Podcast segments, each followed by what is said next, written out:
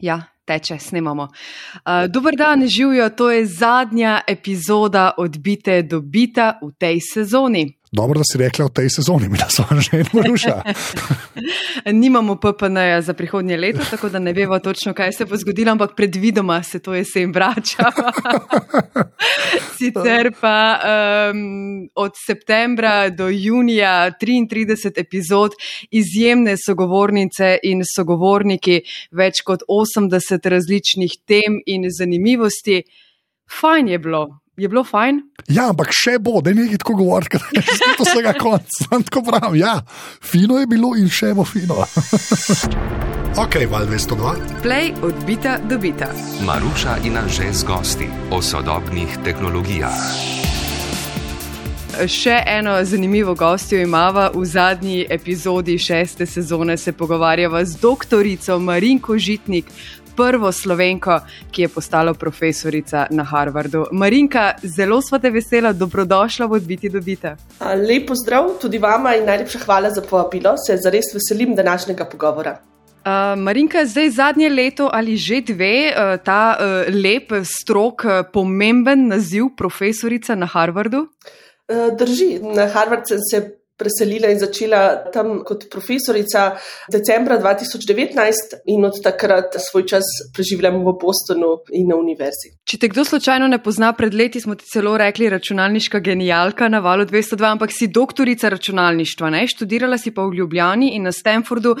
Kako strneš eh, vso to tvojo pot do Harvarda? Um, ja, po izobrazbi sem računalnika in tudi delno matematičarka. Svoj dodiplomski študij sem upravljala na univerzi v Ljubljani, na fakulteti fakulteti za matematiko in fiziko in fakulteti za računalništvo, potem sem nadaljevala z doktorskim študijem računalništva eh, v Ljubljani, pa me je pot vodila skozi več mest, preko Londona, Toronta, Houstona, potem na Stanford, kjer sem preživela nekaj let svojega podoktorskega raziskovanja, eh, sedaj sem pa se res našla svojo bazo v, v Bostonu na vzhodnji obali ZDA. Kako te potem ljudje najdejo iz uh, Harvarda na LinkedIn-u, kako, kako to zgleda? Je to nek, neka rekrutacija, ali samo mail dobiš, ali te nekdo pokliče, ali pride nekdo z avtom, ta del me zanima. Pač ja, že z avtom ne pridejo. Ja, okay, no. Ampak, zgleda tako, da ameriški tak, akademski prostor je tak, da običajno ob koncu, v drugi polovici leta, je, je taka sezona za uh, zapolnitev novih profesorskih mest in takrat se kandidati prijavijo na razpisana mesta. Zdaj, v mojem primeru, Harvard je razpisal mesto, kjer so iskali nekoga, ki se ukvarja z umetno inteligenco, povezavi z biologijo, z medicino in dobili so um, preko 400 prijav, uh, in potem je univerza šla čez vse te prijave in počasi in počasi jih filtrirala, da so prišli do nekih um, 4-5 finalistov, med katerimi sem bila tudi jaz. Potem so nas povabili na, na nekaj dnevni intervju na univerzo, od jutra do večera si na sestankih se pogovarjaš s študenti, s dekani, s drugimi profesori. Poskušaš ugotoviti, če je to res dobro okolje za te, in enako univerza poskuša ugotoviti, če je kandidat res dober. In potem, če je, vse, če je vsa sreča poravnana in so vse zvezde poravnane, uh, potem, imaš, potem dobiš ponudbo uh, za, za delo. Všeč mi je, da, do, da doktor v bistvu računalništva, pa nekdo, ki zna sodelati, če so vse zvezde poravnane. To mi je všeč, da to izbesedi srednjaka pa pregovori ne grejo.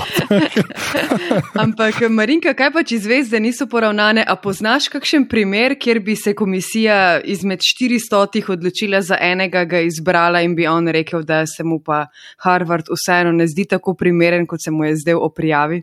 Um, To se običajno se redko zgodi, večin, se pa včasih zgodi, predvsem zaradi tudi osebnih, raznih osebnih razlogov, ko imajo ljudje kakšne preference ali pa situacijo, se mogoče želijo vrniti v Evropo ali ostati v Ameriki, gredo kam drugam, ali pa imajo tako imenovan two-body problem, ker pomeni, da, da iščejo nekako dobro lokacijo za, za njih in njihovo družino, pa so potem dodatni faktori, ki jih morajo upoštevati, ko se odločajo, kje bodo nadaljevali kariero.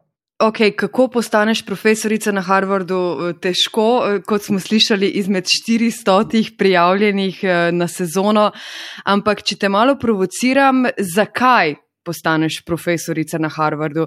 Mislim, s tem znanjem in ocenami, če sem prav obveščena, na faksu nisi imela devetke, torej le desetke. Lahko bi počela karkoli v življenju, lahko bi delala v katerem koli podjetju na svetu ali ne vem, kaj so želje ostalih. Ja, to je dober razmislek. Meni je vse, vse me je znanost uh, zelo privlačila in predvsem me je zanimalo um, odkrivanje novega, razumeti uh, nek problem, nek pojav, uh, ki ga prej še nismo opazili ali ki ga ne znamo dobro opisati. In to se mi je zdel, vse zdelo zelo zanimivo. Zdaj raziskave v, v ZDA so take, da omogočajo človeku ogromno neke svobode v smislu, da lahko res raziskuješ um, probleme, ki um, so težki, ki, ki znanost misli, da so težki in zanimivi, hkrati pa imaš to povsem svobodo, da se odločaš, kako se boš tega lotil, lahko gradiš neko svojo raziskovalno skupino. Res imaš tako možnost, da zgradiš neko tako skupino, neko tako mini kraljestvo, kjer se lahko ukvarjaš s temi temami, ki, ki, so ti, ki so ti najbližje.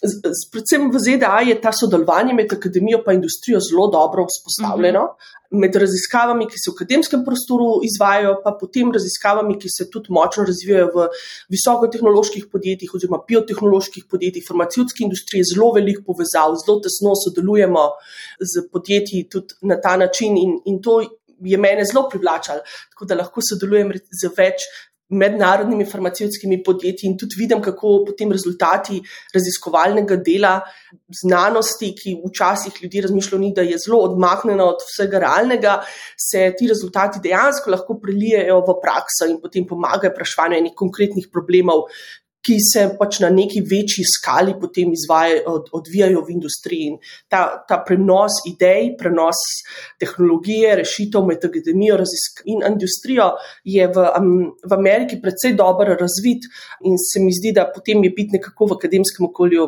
neka super priložnost, nič ne žrtvuješ zaradi tega, da nisi v industriji. Kako pa potem pedagoško uh, delo uh, pri tebi poteka, kako izgleda? Pač predavanja ali vaje ali seminarije, zdaj sploh ne vem, z vse ven mečem, kar so imeli na faksu. Tako, kaj, ja, mislim, vse, to, ja. vse to imamo tudi mi, predavanja, vaje, seminarije, uh, debate in take reči. Harvard je na tako imenovanem semestrskem, semestrskem programu, kar pomeni, da imamo dva semestra, podobno kot v, v Sloveniji imajo univerze dva semestra. Um, običajno poučujem enega do dva predmeta vsako študijsko leto. Ta dva predmeta sta um, namenjena za um, študente od do diplomskega, vse do doktorskega študija, povezana z umetno inteligenco. In uh, so, bi rekla, študenti so taki zelo angažirani, nevrjetno angažirani zahtevni hlepijo po znanju. Ko pride, če se zgodi, da bi odpovedali predavanje, dobimo vprašanje, kdaj bomo pač predavanje nadomestili, kako bomo zdaj lahko, še vedno bo, bodo lahko dobili to znanje, ki bi moralo biti predstavljeno na tistem predavanju, zelo angažirani, povsem običajno je, da po zaključku predavanja pride k tebi en in kup študentov z vprašanji, kjer si želijo dodatne reference, dodatne članke, orodja, ki bi jih, ki bi jih lahko si ogledali, ki bi se lahko naučili. Tako da so res neverjetno nevrjetno angažirani. Se, se mi zdi, v končni fazi univerzo sestavljajo in poganjajo naprej ta nova generacija študentov. Včasih so taki, da tako navdušeni, da sploh ne vedo, kako težki so problemi, ki jih rešijo ali pa ki jih naslavljajo, tako da jih kar pošleš v nek problem in se stvari kar zgodijo. Tako da, um, ja, delo študent je res, res navdihujoče. To je ena še ena stvar, ki me res privlačila v, v akademski prostor. Zelo dobro, zato pa so na Harvardu eh, ti uh, angažirani študentje. Marinka, še tole mogoče o Harvardu. Um, kakšne so spolne kvote, tako med študenti kot vami, profesori? Um, Zdi se tudi nama, ko se seveda pogovarjava o temah z tehnološkega področja v odbiti dobita, da še vseeno vsi ti poklici veljajo strogo in stereotipno za, za moške.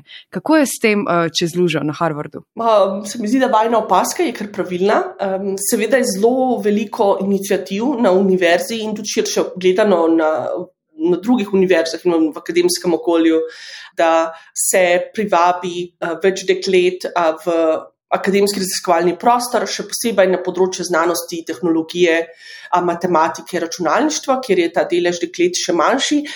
To se spreminja. Ta delež deklet, se, ki so vključeni v, ki se navdušuje nad računalništvom, nad matematiko, nad tehnologijo, se povečuje skozi leta, kar smo zdaj videli predvsem na, na ravni do diplomskega študija. Je pa res, da se potem delež zelo hitro upada, ko gremo proti magistrskemu, doktorskemu študiju in tudi profesorskemu mestu. Zdaj, v oddelku, kjer sem jaz, um, smo trenutno dve mladi profesorici od uh, več kot 35 uh, profesorjev, ki so pa vsi moški. Uh, tako da je tako razmerje. Um, Ni, ni uravnoteženo, no? ampak to mene pravzaprav ne moti posebej, ker sem že od zgodnih, zgodnih let, od gimnazijskih let, bila v moškem okolju in me ne, ne postavlja nobene, nobenega problema ali pa težave izziva. Gremo naprej od Harvarda k področju, s katerim se ukvarjaš. Bioinformatika je to področje, s katerim se ukvarjaš že od samega začetka, če prav razumem, torej biologija plus informatika. Um, Marinka, razloži nam, na katerih projektih sodeluješ trenutno. Povedala si nama, da s pomočjo umetne inteligence razvijate zdravila za redke bolezni. To zveni zelo odbito, dajmo se mogoče tukaj malo ustaviti.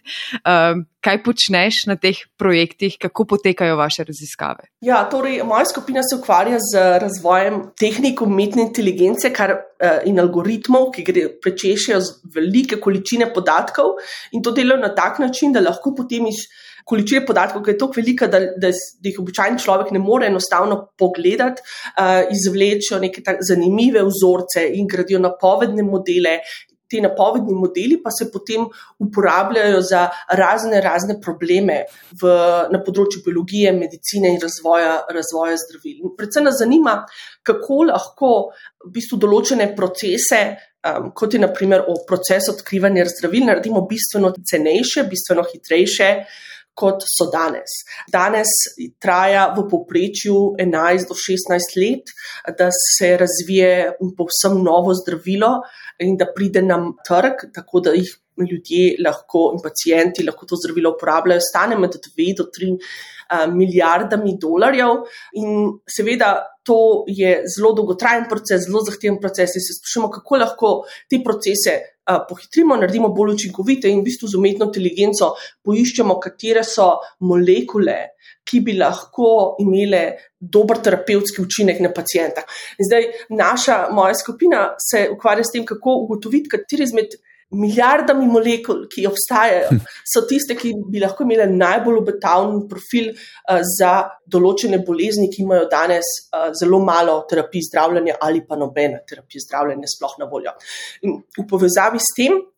Je problem, so, so redke genetske bolezni, to so bolezni, ki prizadanejo majhen delež ljudi. V, v ZDA je redka bolezen definirana kot bolezen, ki prizadene manj kot 200 tisoč ljudi vsako leto. Um, in zdaj, redkih bolezni je ogromno, preko 7 tisoč. Uh, vsaki redka bolezen ima majhno število pacijentov, ampak skupaj, kolektivno je pa zelo veliko ljudi prizadetih, zaradi tega, ker uh, jim so obolevajo zaradi, uh, zaradi bolezni, ki so sicer redke. Ker je število pacijentov za vsako bolezen majhno, potem farmacevtska industrija nekako nima ekonomskega um, ekonomske motivacije, da bi razvijala posamezno novo zdravilo za vsako izmed redkih bolezni. Tukaj pride pa na pomoč nova, nova tehnologija in, in sicer s algoritmi strojnega učenja poskušamo od, ugotoviti, ali lahko vzamemo neka zdravila, ki so že na trgu in poskušamo ugotoviti, katera kombinacija bo najbolj ugodna za pacijente z redkimi boleznimi. In kar se meni zdi zelo, zelo zanimivo, je, kako, kako lahko potem kot nekdo, ki je študiral računalništvo, ki je računalnikar, vidiš, da imajo rezultati tvojega dela res posledice v nekem mhm. povsem drugi vedi, na povsem drugem področju človekovega delovanja in lahko res pomagajo um, nekomu, ki. Ki trpi za, za neko tako težko bolezen, kot, kot so te. Kako dobro vam gre, 7000 je velika številka? 7000 je ogromna številka. torej, bi rekla, da vzpostavljamo uh, tako zelo um, široko platformo, ki, je, ki združuje uh, vse bolnike s takimi boleznimi v, v ZDA.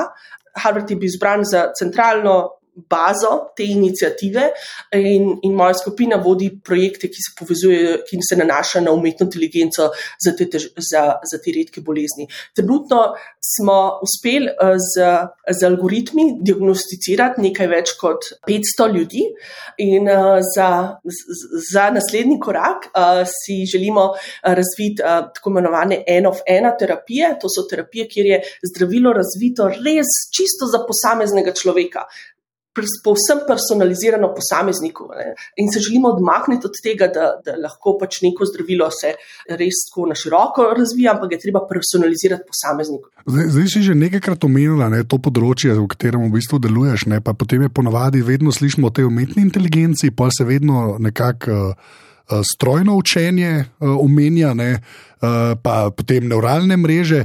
Kjer termin se tebi zdi najbolj primeren? Ne? Kot človek, ki s tem res dosti počne, mogoče celo kako že cutting edge stvari počne s temi tehnologijami. Se mi zdi, da je ta umetna inteligenca tako skoraj prepocen prevod tega, ne? ali pa vse, kar to zaobjema. Tako da, kjer termin bi ti dala pač največ, tako, za, da bi prenesel, kaj točno počnete? Ja, to imaš, imaš super intuicijo, že Torej, umetna inteligenca je najširši termin, je ja. najširši pojem. In del umetne inteligence je strojno učenje. Bistvena razlika med umetno inteligenco in strojnim učenjem, ki nekako se mi zdi, da v zadnjih letih ni, ni posebno izrazita eh, in se umetna inteligenca kot izraz res bolj paušalno uporablja v vsakdanjem življenju. Ampak strogo gledano bi rekel, da je strojno učenje. Je so tisti principi, postopki, algoritmi, ki um, zgradijo model na osnovi podatkov oziroma na, na osnovi preteklih izkušenj. Kar pomeni, da imamo res velike baze podatkov in zdaj poskušamo se naučiti iz njih izvleči neke statistične vzorce. Ki imajo napovedno moč. In potem, ko to, te vzorce, statistične vzorce imamo, lahko te uporabimo za napovedovanje nečesa, česar še, še ni zgodilo, pa si želimo ugotoviti, kaj bi se zgodilo. Umetna inteligenca obsega tudi druga področja, ki so um, kot so recimo ekspertni sistemi, um, ki niso nujno ravno na, uh, ne delujejo na principu, da za, da se učijo iz velikih količin podatkov. Je pa res, da trenutno v zadnjih petih do desetih letih je najuspešnejša veja umetne inteligence ravno strojno učenje. Mhm. Znotraj strojnega učenja pa so najuspešnejši algoritmi nevronske mreže. Zato se o tem nevronskih mrežah in potem širšem strojnem učenju govori zelo veliko in pravzaprav toliko, da se zdi, da je strojno učenje povsem prevzelo umetno inteligenco.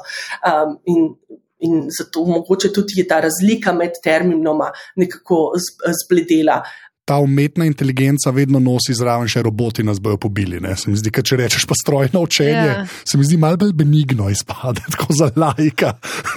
Kot umetna inteligenca, kdaj nas bo rumba ustrelila več. Pač tako, ja, točno tako.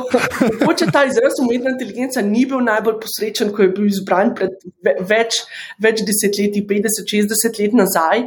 Po, po eni strani je bil je, je zelo, zelo velik zanimanja pri vabi, takoj ko se ta izraz omenja pomeni, pa vendarle tukaj ne, gre še, še za nekaj, kar je zelo, zelo daleč od česa, če bi rekli, inteligenca na človeškem nivoju, oziroma neka splošna inteligenca. Res gre za gre za algoritme v končni fazi, matematiko, linearno algebro, tisto množenje raznih tabelc in matrik, ki se zadaj skrivajo za, vse, za vsemi temi algoritmi in tehnologijami, ki jih razvijamo. Super se mi zdi, da smo prešli še na to jezikovno področje. ko, ko se že pogovarjamo o pomenu teh besed, ki jih dnevno uporabljamo in potem imajo eh, bolj ali manj stereotipne, bolj ali manj všečne eh, prizvoke. Eh, besedo algoritem si zdaj Marinka omenila že nekajkrat, tudi midva, vsaki odbiti verjetno um, večkrat. Ampak zdi se mi, da, da mi, ne vem, navadni uporabniki tehnologij, besedo algoritem tudi zlorabljamo ali pa um, jo pogosto razumemo kot najbolj enostaven odgovor na vprašanje, ko si nečesa ne znamo razložiti tako plastično, uh, ali pa kot odgovor na neke napake ali neušečnosti, ki se nam dogajajo. Nekaj ti pomisliš o besedi algoritem? Verjetno čisto spet druga percepcija in uporaba. Ja, torej, rekla je, da ko pomislim na besedo algoritem, me to spomni na recept. Torej, algoritem je, predstavljaj si, da je algoritem je kot kuhinjski recept. Kaj nam kuhinjski recept pove za neko izbrano jed? Recept nam pove natančno, katere sestavine potrebujemo in v kakšnem vrstnem redu moramo te sestavine zložiti skupaj in kako jih moramo zložiti skupaj, da bomo dobili nekaj dobrega, nekaj lepega in sicer tisto jed, ki si jo zaželimo. Zdaj, algoritem ni pravzaprav nič drugega kot kuhinjski recept, le da nimamo tukaj nekih sestavin in pa eh, posod in skledic in takih reči, ampak imamo pa na mesto teh razne matematične, računske korake. In, in to je algoritem, neka zaporedje korakov, ki nam opisujejo, kaj moramo narediti, da dobimo nek v primeru strojnega učenja nek, nek napovedni model, nek model, ki ga lahko potem, ko je enkrat zgrajen, okušamo, poskusimo tako, da ga vprašamo o raznih primerih oziroma raznih problemih iz, iz realnega sveta, kateri, za kateri je bil algoritem nekako razvit in algoritem nam bo, oziroma model, ki je bil, nam bo potem vrnil napovedi. Zdaj, kot človek, ki dela z in medicino in informatiko in vsem ostalim, mi da se doskrat o podatkih pogovarjajo, ne? zdaj kot znanstvenica koliko se pa s tem ukvarjate, kdaj bo kaj vam prišlo, kar ne bi smelo, pa kje se bo kaj zlorabilo, kakšne so tukaj varovalke. Sklepam, da so, ampak se mi zdi, da včasih eh, ima sploh tako znanstvena sfera, kar slepo pego glede tega. Ne? Zdaj smo mogli kar se pogovarjali že 15 minut, sam algoritmi, pa uh, machine learning, pa vse ostalo. Ne? Ampak koliko se to dejansko razmišlja, potem tudi o pač podatkih, pa gremo reči kar osebnih podatkih, ker glede na to, da čim je medicina zraven, ne se hitro pridemo do tega. Ne? Ja, to so super vprašanja in zelo veliko nerešenih, uh, zelo veliko nerešenih vprašanj, na katere še nimamo dobre odgovore, ampak je pa dobro vsaj da to, da so se vprašanja začela javno in jasno razglabljati. Torej, podatki imajo izredno veliko vlogo. V končni fazi, tako dobri kot so podatki, tako dobri bodo na koncu naše napovedi, naši napovedni modeli. In zdaj, to potegne za sabo več, več stvari. Ena je teh, da če so podatki pristranski, na, na način, kjer, na kateri si to ne želimo, kar je v, v ZDA predmet velikih diskusij, potem bodo tudi lahko napovedi naše pristranske um, in morda nepoštene do določenih posameznikov, ki se jih dotikajo. Uh, tako da je to en velik problem. Drug velik problem je pa točno to, že kar sem omenil, kako zagotavljati varnost pacijentovih podatkov. In, in tukaj težava je, ker imamo neko tako dihotomijo med dvema stvarema. Po eni strani si želimo imeti čim več podatkov o, o čim več ljudeh. Zakaj? Tudi zato, da lahko nadgradimo napovedne modele, ki so čim bolj točni, ki so tako reprezentativni za celotno populacijo. Ampak po drugi strani pa, se pojavljajo pa težave, tako se zgradijo te baze in se poskušajo in se lahko na take zelo presenetljive načine identificira ljudi. Ja. In zdaj smo prišli do tega, da tudi če imamo bazo, kjer seveda nimamo imen nekega stolpca, kjer piše ime, priimek in kdo to je, se iz nekih drugih postranskih podatkov lahko ugotovi, kdo posameznik je. Naprimer, ena tak primer je, kako lahko z raznih baz, kot je 23andMe ali pa um, Genealogy, kjer so baze, kjer ljudje zdaj zelo pogosto so navdušeni nad tem, da pošlje en majhen vzorec svoje sline, pa se naredi DNA analiza na tisti slini in se ugotovi, odkje izhaja ta posameznik preko, preko stoletij. Se lahko iz tiste baze, pa enostavno nekih osnovnih podatkov o tem, kaj spoliju, starosti posameznika, ugotovi, iz katere regije oziroma countyja, to bi bil kot neka mestnega okolja, posameznik prihaja, potem se pa to vzame na, na, in se pogleda na Facebook, katere so sorodniki, ki jih ta posameznik ima. Sorodniki imajo podoben genetski material, mogoče kdo od sorodnikov je tudi že v tej bazi in se na ta način identificira ja. posameznik. In taki primeri že obstajajo. In to je, to je pa zelo težavno, ker, ker naenkrat ni ta problem privatnosti, oziroma zasebnosti podatkov, ni tako enostaven, da lahko samo rečemo, da bomo pa iz naše tabele odstranili en stolpec, ki, ki vsebuje ime in priimek ali pa mogoče identifikacijsko številko posameznika. Ja, je bistveno, bistveno težje in, in, in, in zato je to nekaj, o čemer veliko ljudi razmišlja, da, da se bi lahko, kaj, kaj lahko naredimo. Ko govoriš, Marinka, o napovedovanju s pomočjo podatkov, še en zanimiv podatek sem prebrala, mislim, da si ti nekje omenjala, da, eh, da v Združenih državah Amerike pravijo, da bi ravno s pomočjo eh, znanosti umetne inteligence, s pomočjo podatkov do konca stoletja lahko odpravili vse človeške bolezni in tako seveda podaljšali življenjsko dobo. Eh, zakaj se ti to zdi realno ali zakaj ne? Um, ja, ne Ne vem, nisem prepričana, da je to povsem realna ocena, zato ker se vsakokrat, ko naredimo zelo velik korak na področju biologije in medicine, se razkrije, da, da za, tem, za tem, kar smo videli do sedaj, se skriva še več neznanega. Um, je, pa, je pa res, da je v ZDA več državnih oziroma inicijativ, ki delujejo na, na, na celotnem nivoju države, ki uh, za svoj moto, za svojo vizijo imajo ravno to, da bi lahko tiste najbolj težavne bolezni, za katere trpi velik del populacije, uh, ki vplivajo na življenjsko dobo posameznika. Poskušali um, nekako olajšati, in, in zelo velik projektov, finančnih sredstev v končni fazi uh, se usmerja na ta področje delovanja, da bi lahko čim bolj napredovali. Do, do konca stoletja. Zdaj, seveda, človek si mora vse postavljati nek cilj in ta cilj, da do konca stoletja se ozdravi vse bolezni, zgleda tako zelo, zelo navdušujoč. Če drugega ne, služi za dobro motivacijo. Je pa res, da je zdaj v zadnjih, v zadnjih letih zelo veliko navdušenje za um, raznimi tehnikami, ki bi lahko bolje razumeli, kako se prebivalstvo posameznik stara. Um, tako da to, to je nekaj, kar se. Tudi mi malo ukvarjamo, pa je, je zelo, zelo, zelo zanimiva tema, ki privablja vse več, več ljudi v, v akademiji in tudi v industriji v ZDA. Mm, wow, eh, zelo zanimivimi stvarmi se ukvarjaš. Eh, na trenutke se mi zdijo za me preveč abstraktne, ampak ja, super. Marinka, eh, poleg vsega sodeluješ tudi z NASO. Zdaj, ali ti osebno ali tvoja skupina študentov, raziskovalcev, to nam še malo razloži, razvijate inteligentne sisteme za vesolsko biologijo? Ne razumem, povej. Ja, tukaj so res take zanimive besede, ampak imela sem to srečo, da sem bila povabljena v skupino znanstvenikov, ki jih je NASA ustanovila za namene postavljanja vprašanj, ki se nanašajo na dolgotrajne vesoljske polete in pa v povezavi s tem znanstvene biološke raziskave in pa medicinska vprašanja. Kaj, kaj to pravzaprav sploh pomeni? Torej, to pomeni, da, da tako NASA kot pa drugi načrtujejo vse daljše uh, obiske človeških posadk v globlje v vesolje. In izkaže se, da takih obiskov poletov v vesolje eh, člove, še nismo veliko imeli. Izjema, iz, izjema je seveda človeški polet na Luno, ampak preko tega pa dejansko ni bilo več dolgotrajnih eh, poletov s človeško posadko, misij, ki grejo preko izven nizke zemeljske orbite. Um, in zdaj kot, kot si lahko predstavljate, se, si obetamo, da se bo nekaj takega v naslednjih desetletjih uh, zagotovo zgodilo. Zdaj, predstavljate si, kot ko neka človeška posadka gre na misijo v vesolje. Je razumno pričakovati, da če gre to potovanje dlje časa trajalo, da, bo, da bo prišlo do nekih zdravstvenih vprašanj ali pa medicinskih vprašanj.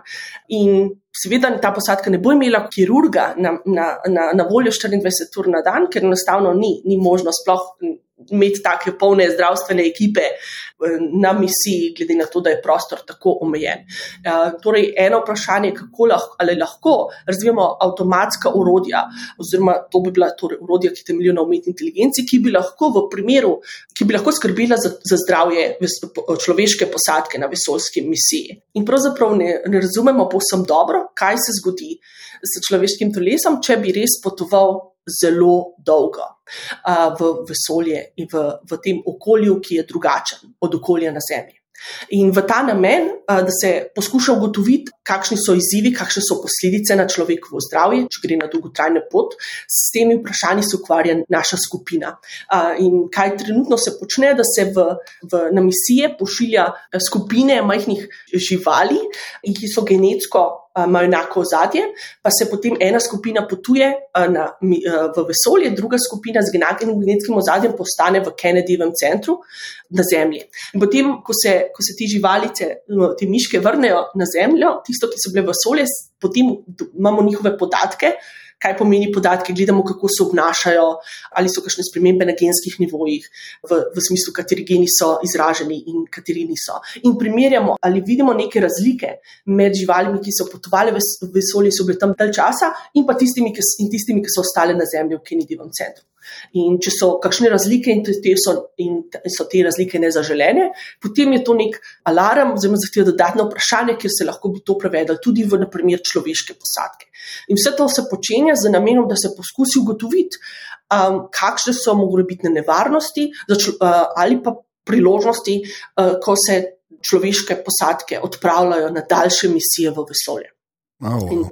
Če se bodo pojavljale težave, določene se, ki se ki spremenijo človeško telo, ko gre, ko gre človek z vesoljem za, za dalj časa, potem se sprašujemo, kakšne tehnologije, kako lahko razvijemo, da se te težave poskuša čim bolj minimizirati. Zdaj, moja specializacija prihaja iz področja umetne inteligence, povezavi z biologijo in medicino, tako da jaz na tem področju sodelujem in po tej skupini um, 20 do 30 znanstvenikov, ki imajo razno razno odzadja, biomehanika, robotika, uh, izdelava exoskeletonov, ki, uh, ki, ki, se, ki, se, ki se sprašujejo o teh drugih vprašanjih, ja. če imamo probleme, ki jih bomo naslovili. Tako da je v nekem smislu zelo futuristično. Ja, milo rečeno. Ja. na teh, teh sestankih imamo pa zelo konkretno vprašanje. Ja. Ja. Mislim, da je rekel, ko nekdo brez v glasu, sploh ni vem, ironija, reče, da pač je izdelava exoskeletonov. Če, pa, če miš pride nazaj s super močmi, to je težava ali to spustite? Ne, ne spustimo. No, stvar, ki je nisem omenila, še, je pa to, da a, poleg tega, da, da poskušamo razumeti, kaj se zgodi s človeš, človeškim telesom, če je vesolju za dalj časa in kako negativne učinke imeti naslavljati, je pa drugo vprašanje, kako lahko potem na teh dolgotrajnih misijah, sploh če se gre, če je nek cilj, da se, da, da se pošlje nekoga na Mars, oziroma nekaj na Mars, kako bi lahko tam vzdrževali življenje oziroma ja. izvajali neke, neke biološke eksperimente. To ne bo tako, da bo verjetno človek lahko šel pa nekaj tam s šalčkami in skodelicami počel, ne? ampak potem kaj, pa rabimo. In, in to se pa potem nanaša na spostavitev robotskih sistemov, ki bi jih pa usmerjali uh, z, na posebno avtonomen način. Kaj pa to pomeni? To pa pomeni, da zadaj moramo imeti neke, uh, zopet neke algoritme, strojnega učenja, ki bodo lahko zgradili napovedi, napovedi za tega robota, pa bodo katere korake, akcije mora izvesti, da bo nek biološki eksperiment lahko pač opravil. To pomeni analizo nekih bioloških vzorcev, ki so, ki so najdeni v vesolju. Ja, pač rumbe v vesolju, to, jaz sem to slišal. Zdaj pa pridejo nazaj čez 20 let. Vsak, vsak znanstveno-fantastičen film se tako začne, potem nas prije nekaj nazaj v strelit. Ampak ne, ne. Zdaj pa čisto kot človek, ki že spet dela z ogromnimi količinami podatkov, kaj je tvoja oprema? Mislim, ko se ti usedeš v pisarni, mislim, s čim delate? Razumem, da na eni točki je kakšen tudi super računalnik, pa to, ampak ampak kaj imate laptope, a ste na tablicah, se vse na telefonih dela, da ste računalnike že pozabili, a imaš nekaj, ki lebdi pred tabo, pa mi sploh še ne vemo. Ne? Sem vprašan, ker se mi zdi tako, da ta nek stereotip ljudi na Harvardu, ne dvomim, da, da sediš za CRT monitorjem. No, ja, za, za CRT monitorjem res ne sedim. pa, čisto praktično so to. Um, delamo na, umestnikih, ki so običajni laptopi, uh, pa taki ve, veliki zasloni, zato da lahko, da lahko jaz, tudi študentje, um, imamo več, uh, več zaslonov hkrati odprtih Aha, in okay. lahko gledamo na vse. Um, seveda, zadnji pa so vsi ti umestniki, ki so takšni, kot jih vsi drugi tudi uporabljajo, se povezujejo na uh, nekaj superračunalnikov, ki jih imamo za, za analizo teh večjih količin podatkov, pa tudi potem v oblak na, na Amazonu, na, na Googlu, kjer imamo pa um, grafične kartice, ki so pa tip računskih jedr, ki nam omogočajo, da lahko ti modele strojnega učenja, globokega učenja, nevronske mreže natreniramo, da, torej, da jih naučimo, kako, kako graditi točne napovedi. Tako da tisto res jedro, težki del računanja se dogaja izven pisarne. Ja. Uh, a pa je kdo na unih grafičnih že rodaril bitcoine, pa so ga dobili? Sam vprašam, zih en je bil. Valjda je bil. Ja, dejansko je, je, ne. so to, so, oh. so to delali. Oh, sem, so to delali. Okay, sem, prav, sem vedel, da je joke vprašanje, ampak v resnici ne mogoče, da ne bi bilo res. Pač v bistvu ne mogoče. To je pa to. Kako si predstavljaš, da in seveda so to bili do diplomskih študentov. Seveda. Zelo, se, zelo inovativni, ki so to počeli. To mislim, da je vsaj ena ocena višji. Super, oh, super. Marinka, zdaj, ko smo bili že tudi malo na področju znanstvene fantastike, vse, kar se nas tiče, ki te poslušamo, ne resno, zanima me, če, če se oziroma na kakšen način se boriš s skeptiki in s teorijami zarod, se sploh s kolegi pri svojem delu srečujete z njimi, ker medicina, biologija, zdravila, cepiva v zadnjih dveh letih je vse tole absolutni hitne. Drži, da je res v zadnjih dveh letih pozornost, ki so jih te področja znanosti in pa raziskav dobila s splošne populacije, je res, res izjemna. To ima neke pozitivne in negativne posledice. Recimo, ena izmed negativnih posledic, ki smo jo izkusili tudi v mojem oddelku, je, da, da je bil zaznan udor na, na harvardski serverje strani skupin, ki, ki niso točno znane, in je bilo posledica tudi zato, da so da nekaj, nekaj profesorjem bili izpraznjeni bančni računi, zato ker, niso, ker so upravljali raziskave, ki niso bile mogoče najbolj uh, vsem po, po volji. Ja, okay. Videli so namreč.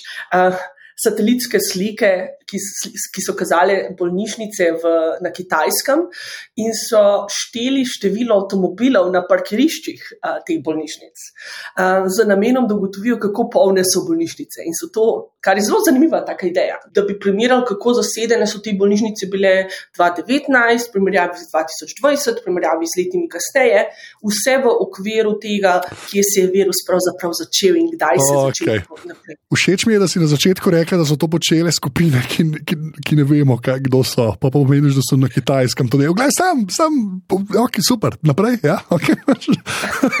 da, take, take primeri se dogajajo, kar se zdi potem tudi za naše raziskovalce precej, precej zastrušujoče, zato ker ničesar takega uh, nismo, nis, ni, nismo nikoli uh, občutili. Zdaj, uh, zdaj jaz nimam nekih osebnih slabih izkušenj uh, glede tega. Um, Boston je tu tako zelo napredno mesto, kjer je center biotehnologije in so ljudje navajeni, da se, da res dela na robu, na robu tega, kar sedaj vemo, in da se potiska znanost naprej. Um, ogromno je bilo pozitivnih. Uh, izkušenj s strani, predvsem razvoja cepiv. Moderna je tukaj, ima svojo bazo, bila tudi ustanovljena preko nekaj okrog desetletja nazaj, tudi strani Harvarda in pa MIT univerze. In, in je res nekako bilo pozitivno vzdušje v, v, v mestu, da se stvari pomikajo naprej, da se odkrivajo cepiva, ki so varna, učinkovita. Mesto je zelo vis, dobro, visoko precepljeno in nekako ni bilo nek, v samem Bostonu nekih teh negativnih učinkov. Seveda pa, tako kot uh, vemo, um, lahko pač potem to vodi na širšem nivoju, državnem, mednarodnem, na razne, razne teorije zarote, ki, se, ki jih je težko naslavljati včasih. Poskušati čim bolj biti transparenten z, z, z raziskavami, znanostmi. Zelo pomembna se mi zdi komunikacija znanstvenih dosežkov, raziskav na način, ki je primerna za vsakdanjega človeka, je izredno pomembna. In pa tudi nekaj, kar se mi zdi, da dejansko morajo tudi znanstveniki vložiti nekaj svojega časa in truda, da lahko o svojih raziskavah, o pomenu uh, morebitnih pozitivnih in negativnih posledicah, govorijo na način, da je blizu, oziroma vsaj konceptualno, tudi razumljiv. Vsakemu. Kot človek, že prej si omenila, da se veliko pogovarjate o podatkih, pa kaj se z njimi počne. Pa to potem na te vpliva kot človeka. Zakaj si še na Facebooku, je vprašanje, ki ga ponovadi postavljajo ljudje. Ki se mi zdi, da je tukaj to mogoče malo premalo. Pa ki si videla, ki imaš dejansko mogoče malo več pogleda v te res velike zbirke podatkov, ne? kako bolj to na te vpliva, kako pač sam sodeluješ na spletu kot pač človek, ne, ne zdaj samo kot znanstvenica in vse ostalo, ampak kot, uh, samo kot Marinka, bomo tako rekli, ne kot doktor Žitnik. Ne, ja, to je super vprašanje. Sem o tem začela razmišljati pred, pred, pred nekim časom. Um, ja, seveda so lahko negativni vplivi, kot te lahko posameznik identificira iz podatkovnih virov, ki pravzaprav so kako bi rekli, zgledajo na videz povsem običajni in ni nič posebnega, pa se da potem z analizo podatkov veliko razbrati van tudi o, um, o, o zdravstvenem stanju posameznika, čeprav podatki nič o zdravstvu ne govorijo. A, tako da, zdaj, po drugi strani pa je pa res. Pač orodja, ki jih imamo na voljo, so izredno možen, dober, odličen način za, za komunikacijo z ljudmi, z, komunika drugimi ljudmi po svetu, z raziskovalci znanosti. In zdaj, to v mojem primeru, uh, uh, pretehta, se, se izogibam nekih takih diskusij, ki se mi zdi, da ne vodijo v, v nič dobrega, ali pa bi bilo bolje, da se o njih kako razpravlja, mogoče v, v živo, ne preko nekega kanala, ki ti omogoča samo 140 ali pa 240 znakov, pa je težko izraziti neko kompleksnost določenih, določenih idej ali pa problemov, o katerih se, mor, se moramo pogovor, pogovarjati. Ampak um, ja, na Facebooku sem še vedno, nisem veliko aktivna, ravno tam, no, moram reči. Ampak sem pa tam še vselej, predvsem zato, ker pa, pa ti omogoča povezavo s družino, z, s prijatelji v Sloveniji, uh, tudi tako, da človek nekako lahko sledi temu, kar se dogaja z mojimi prijatelji, z družino v, v Ljubljani, v Sloveniji. In na ta orodje gledam predvsem na ta način, da mi omogoča vzdrževanje tega stika Odbita, dobita. Marinka, zelo so vesela, da si si vzela čas za odbito, dobita. Lahko bi klepetali eh, še ure, ampak jasno je, da nimaš celega dneva za naju. Eh, kakšen dan te čaka še danes, pri tebi je jutro, pri nama popovdne eh, kakšno poletje prideš kaj domov? Ja, torej pri meni je zdaj ravno 9 zjutraj, um, zdaj le me. Um, imam 30-minutni odmor, potem pa, ima, pa začenjam se sestanki, ki bodo tam do 5-6 ure popovdne. Bom govorila z enim študenti, bom govorila o projektih in potem nekaj še dodatnih sestankov z, z sodelavci iz um, drugih univerz po, v popovdanskih urah. Danes je sončno, zelo lepo tukaj v Bostonu, poletje se je začelo. Um, in nisem pripričana, če me bom poleti lahko prišla v Slovenijo, zagotovo ob koncu leta, uh, me bo pa obiskal brat, v, v, bo prišel v Boston iz Ljubljane, tako da se veselim tega, da, da, da se mal, malo podružim z njim skozi uh, poletne mesece. Super. Super. Pa naprej gremo, jaz se ti sam reče zahvalil, ker si človek, ki ima v priimku Ž, da si to nesla v Ameriko, ker mogoče bo šlo. kdo znal, kot on že, samo to rečem, da američani že ja res ne razumejo. Kako mogoče, ti pravijo, Marika? Kaj, kaj vse ti rečejo? Uh, sem pristala kar na to, da sem večinoma zidna. Ja. Zato, ker, ker se to izkaže, da to je najbolj nekaj, kar je najbližje želju, kar se lahko izrečejo in, in, in, in je še vedno razumljivo. Uh, če poskusim z željem, potem veliko krat pride ven vse drugo, ja. razen ja. ali pa z, ja. da je z še najbližje temu. Marinka, uspešno poletje, vse dobro tudi sicer. Upam, da še kdaj no ko imaš kaj časa, se javi, bomo v odbiti obdelali kakšno temo. Vsekakor najlepša hvala vam za, ta, za to vabilo in za ta čudovit pogovor. Odbita, dobita. Uh, tudi vsem vam lepo poletje, ker se poslavljava. ja, res je. Vseeno nam tudi polet lahko daste ocene v Apple Podcasts, uh, sicer pa odbita afna, rta v slopi, si idemo s tem zaključiti. Pošljite kakšen mail, uh, pa kakšno priporočilo za temo, pa jo bomo uporabili. Raš pa ja, to je to, to je ta sezona, se temu reče. Lahko nesete kakšno epizodo na kakšno fino plažo in se slišimo jeseni. Čau! Čau!